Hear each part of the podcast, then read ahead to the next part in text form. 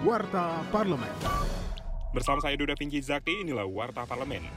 Ketua DPR RI Puan Maharani mendorong pemerintah lebih memperhatikan permasalahan penyebaran penyakit mulut dan kuku atau PMK pada hewan ternak, terutama menjelang Idul Adha 2022, karena dikhawatirkan akan berdampak terhadap rantai pasokan daging. Politisi praksi PD Perjuangan itu mengungkapkan jika pengendalian PMK tidak dilakukan dengan baik, peternak akan terpuruk. Hal ini pasti akan berpengaruh kepada masyarakat. Untuk mengakhiri penyebaran penyakit PMK ini, pemerintah harus membuat prosedur yang baik, khususnya dalam distribusi hewan ternak.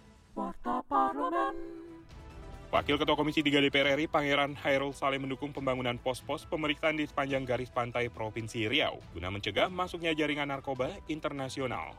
Mengingat di sepanjang tahun 2021 ada 1.596 kasus narkoba di Provinsi Riau yang terungkap.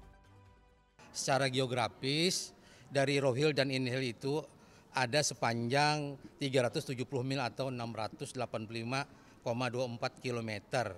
Nah ini diharapkan uh, ada posko untuk memotong masuknya narkoba karena dari jalur Rohil dan Inhil ini uh, masuknya jalur narkoba jaringan internasional. Informasi lebih lanjut kunjungi laman dpr.go.id. Anggota Komisi 5 DPR RI Tori Hidayat mengkritisi pemerintah terkait wacana kenaikan tarif dasar KRL komuter lain Jabodetabek. Menurut Torik, saat ini bukan waktu yang tepat untuk melakukan kenaikan karena perekonomian masyarakat masih rendah sebagai dampak pandemi COVID-19.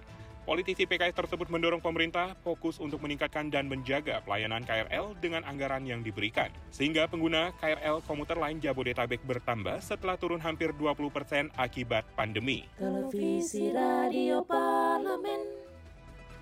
Demikian Warta Parlemen, Produksi TV dan Radio Parlemen. Biro Pemberitaan Parlemen, Sekjen DPR RI.